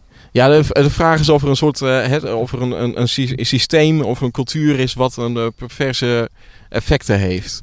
Um, denk ik dat je vraag is. Uh, ja, zou kunnen, zou kunnen. ik denk dat boeren zijn ook gewoon ondernemers en die gaan echt niet voor de lol. Dat vinden ze ook helemaal geen leuk werk. Ik, ik ken niemand, ik ken geen één boer die leuk vindt om te spuiten. Toch doen ze het allemaal. En dat is, het is een noodzakelijk kwaad. En ik denk in die zin dat er ook best wel, uh, ook vanuit, vanuit de samenleving, wel iets kritisch gekeken wordt naar boeren. Van, oh, en die spuiten gif, en gif dit, gif dat, gif dat. Uh, soms ja, eh, zoals gezegd, het is een noodzakelijk Uiteindelijk zullen in de supermarkt ook zo'n hele mooie gele banaantje hebben. Of dat, die, die komkommer die er perfect uitziet. Zelfs nog in plastic en zo. Dus ja. waar gaat het over? Die consument wil optimaal bediend worden tegen een, tegen, tegen een nog tegen kostprijs aan, bij wijze van spreken. Nou, ik, ik, geloof, uh, ik geloof echt wel dat er, dat er voldoende consumenten zijn die uh, voor een beter product wel wat meer willen betalen. Maar dan moeten uh, ook boeren, bij boeren zelf is een cultuuromslag nodig in die zin. Want die zijn gewend Tenminste, hier in de regio. Eh, hier in deze regio hebben we werken eigenlijk voor de fabriek. Hè, we maken suiker voor de fabriek. We maken zetmeel voor de fabriek. Ja. Ik, ik, zeg het even een beetje kort door de bocht. Um, maar de, boeren moeten ook leren klantgericht te worden. Hè. Ze zijn eigenlijk tientallen jaren gestimuleerd, ook vanuit uh, Brussel, ook vanuit het ministerie, om op productiefocus te hebben. Het gaat om de, de branding van je producten. Als jij kunt aangeven hoe je product tot stand is gekomen, je ja. geeft aan dat dat zeg maar heel duurzaam is geweest en dat het maatwerk is geweest met precisielandbouw en drone-technologie. Dan, dan mag dat een ander prijskaartje misschien wel hebben, omdat de beleving voor de klant ook anders is, zeg maar. Ja, de beleving en, en omdat het waar is. Ja, zeker. Ongelooflijk. Nee, nee. Het is geen marketingverhaaltje. Het is ook echt zo. Het verhaal vertellen. Hè? Dus om, om, om nog een... Neem hem mee. Neem hem mee. Gewoon. Laat zien hoe het werkt. Dat graag. Uh, gaan we doen. Maar om, om, nog een... Uh, toch bijvoorbeeld moet ik ook even kwijt. Is dat hè, als ook nu... Hè, er zijn nu dan hè, normen die zijn steeds strenger, strenger op het gebruik van gasbeschermingsmiddelen. Als je kijkt naar hoe het was in 1990 ten opzichte van nu... Uh, wat voor een enorme besparing er nu al gehaald wordt. En ook op wat er in het oppervlaktewater is. We praten over besparingen van, van uh, wel meer dan 90% dat er al bespaard is. Ik, ik ben absoluut voor uh, duurzame toekomstgerichte landbouw. Maar ik denk dat boeren wel een beetje sympathie verdienen in de zin van dat van... Hè, die eerste 90% die is al gehaald. En we praten al over de laatste 10%.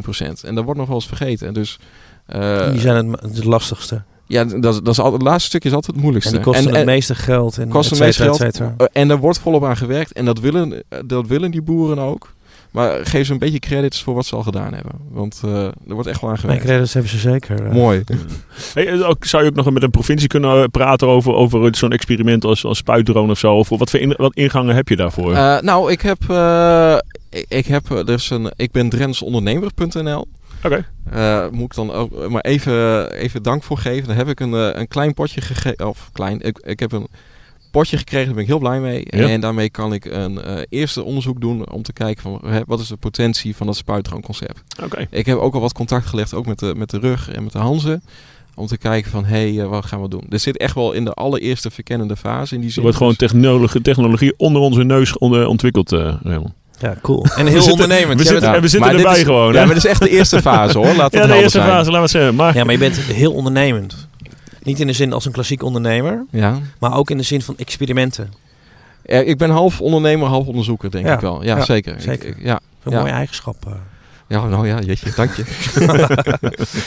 Maar er zit nog toekomst in, dus eh, eh, er zijn vervolgstappen. Je- Het is niet een dood project of zo, omdat het niet mag vanwege de regelgeving. Eh, eh, nou, ik, ik, de, ik heb het een beetje in de koelkast gezet, omdat ik eerst zicht wil hebben op dat er of een bijzondere ontheffing of een regelgeving, of dat in ieder geval vanuit de politiek of vanuit nou, CTGB, dat ze meekijken en hierover mee gaan denken.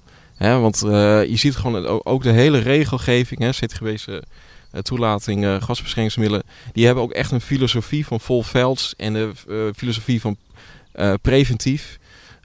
Maar als we gaan kijken naar curatief, hè, dus in plaats van zeggen dat we, we gaan spuiten zodat, zodat er überhaupt niks komt. Nou, laten we misschien wel zeggen van nou, laten we kijken of er wat komt. En als er wat komt, laten we dat dan ook meteen effectief aan kunnen pakken.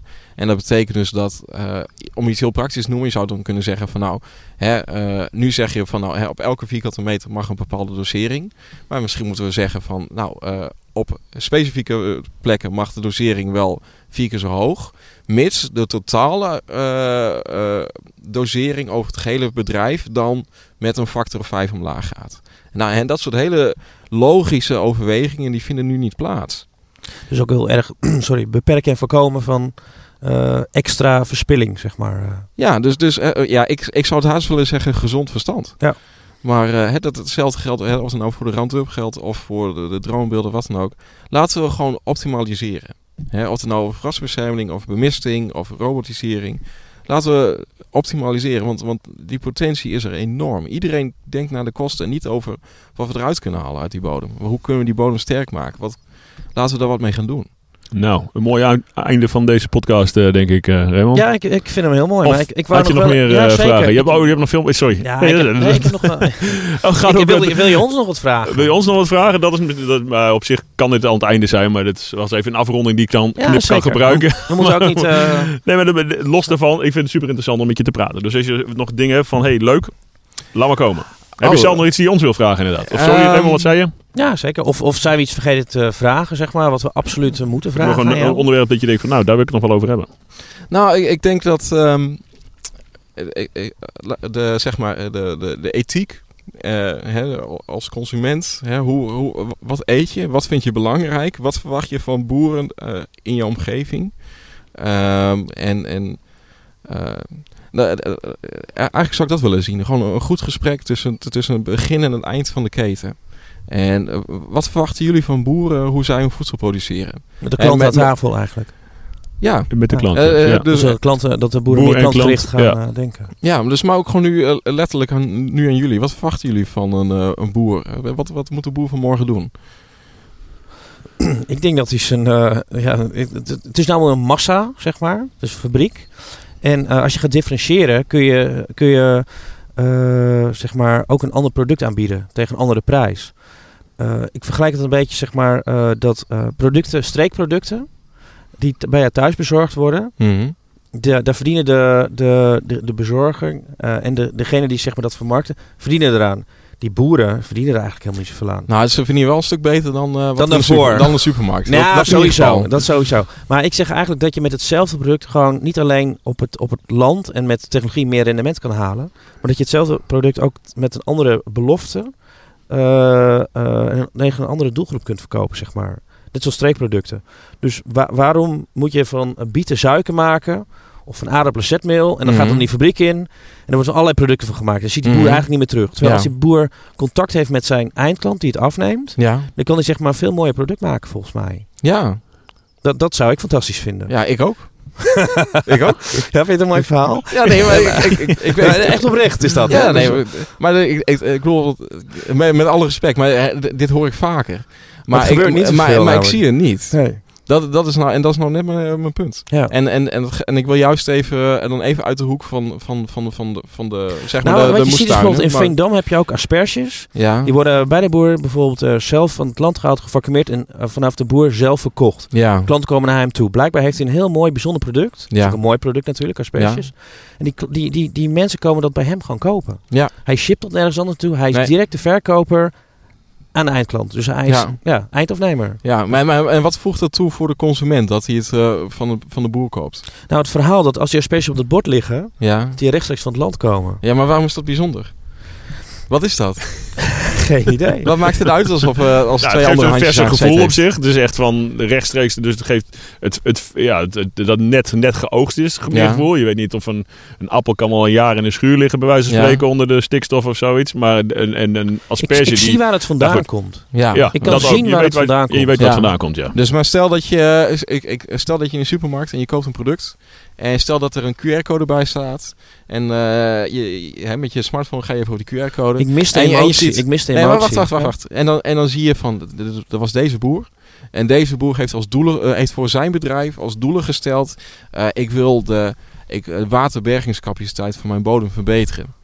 Dat we geen wateroverlast hebben. Uh, dat, er, uh, dat we geen droogte hebben. Ik ben mijn bodem aan het verbeteren. Of dat je bij een andere, bij een appel kijkt en je ziet van hé, hey, uh, deze, deze fruitteler die, die houdt zijn bodem in balans. En die zorgt van, uh, die vindt zijn bodem belangrijk. En die zegt ik, ik zorg dat mijn organische stofniveau op, op, op peil blijft. Vind, wat, ik, vind ik ook mooi, alleen dat vind ik een beetje emotieloos. Ja, maar, maar, dat, is, dat zijn net de dingen die ik belangrijk vind. Nou. Ja, dat is, uh, die vind ik meer, die vind ik meer een soort van bedrijfskundig karakter hebben, zeg maar. Ja. Of, of, een etiket of een labeltje waar ja. Weet ik van al die E-nummers en dan op een gegeven moment mensen kijken, daar, kijken er ook niet meer naar. Terwijl uh, als ik bij jou kom en ik heb die hele beleving en die emotie die erbij hoort, ga ik mond-to-mond reclame weer maken dat je daar ook je asperges moet gaan halen. Ja. Misschien gaat het wel niet in hoge volumes dan, ja. maar ik vind het wel een mooie product. Ja, ja. Want, want als we praten over duurzaamheid, wat, wat compleet, compleet mist, en dan, ja, boeren zelf hebben het er nog wel over, maar daarbuiten hoort er helemaal niemand over. Dat is duurzaamheid als in uh, je bodemkwaliteit. Dus, uh, en ik denk dat er nieuwe verdienmodellen voor boeren moet gaan worden. De ecosysteemdiensten, dus dat we CO2 opslaan in de bodem. Door uh, hoge organische stof, door een rijk bodemleven. En ook hetzelfde geldt voor de waterbergingscapaciteit. Geldt misschien ook voor energieopwekking. Um, dus, dus wat moet die boer van de toekomst gaan doen? En, uh, en dan even met alle respect ook een beetje uit de romantische hoek. Weet je, van, van, van, van, van zitten denken. We, kunnen niet met z'n allen asperges gaan verbouwen. Nee, maar ik zit, ik zit letterlijk te denken gewoon al die ik, heb nog, ik zie nog nooit op geen enkel product zeg maar een boer met een, een drone of zo in, in zijn handen of, of überhaupt een drone op het etiket. Dat is misschien heel raar om dat op een etiket te zien. ja. Maar je differentieert enorm op je product toch? Ja, ja nee, dat is waar. Je hebt op, nou, op eieren is dat natuurlijk ook, uh, ik weet niet of je dat mm. wel eens gezien hebt, maar dat... Daar staat wel een code op en die, die code is wel te herleiden naar het bedrijf overigens. Klopt, maar het is wel... een hele leuke app zijn van uh, uh, scan mijn ei en dan dat je gewoon ziet van hé, hey, dit komt van deze, deze met, met eieren is het verhaal volgens mij in Nederland zo dat de supermarkten bepalen de prijs en de boeren hebben maar te leven en te gehoorzamen. Ja, ja nu, nee, dat is ook heel. Hè, dat was met Carole Schout heeft er vorige week nog uh, wat over gezegd. Over de marktmacht van supermarkten ten opzichte van boeren. Ja. En in die zin is het uh, ja, een, ja, een oligopolie. Uh, zeker. Ja. Dus ja, ik denk dat in die zin de, de boeren moeten klantgericht worden. En laat, laat dus, alles wat tussen de keten in zien, zit. Maar laat, laat me zien waarom ze er eigenlijk zijn. Volledig mee eens. Ja. Zullen we daarmee afronden? Want ik vind jou het gerichte vind ik wel heel erg waanzinnig leuk dat je het daarmee samenvat. Ja. ja. Oké. Okay. Ja, zullen we daarmee afronden? Ja, helemaal prima. Leuk. Lex, bedankt. Ja, super ik vond het leuk. Ook bedankt. Ja, superleuk.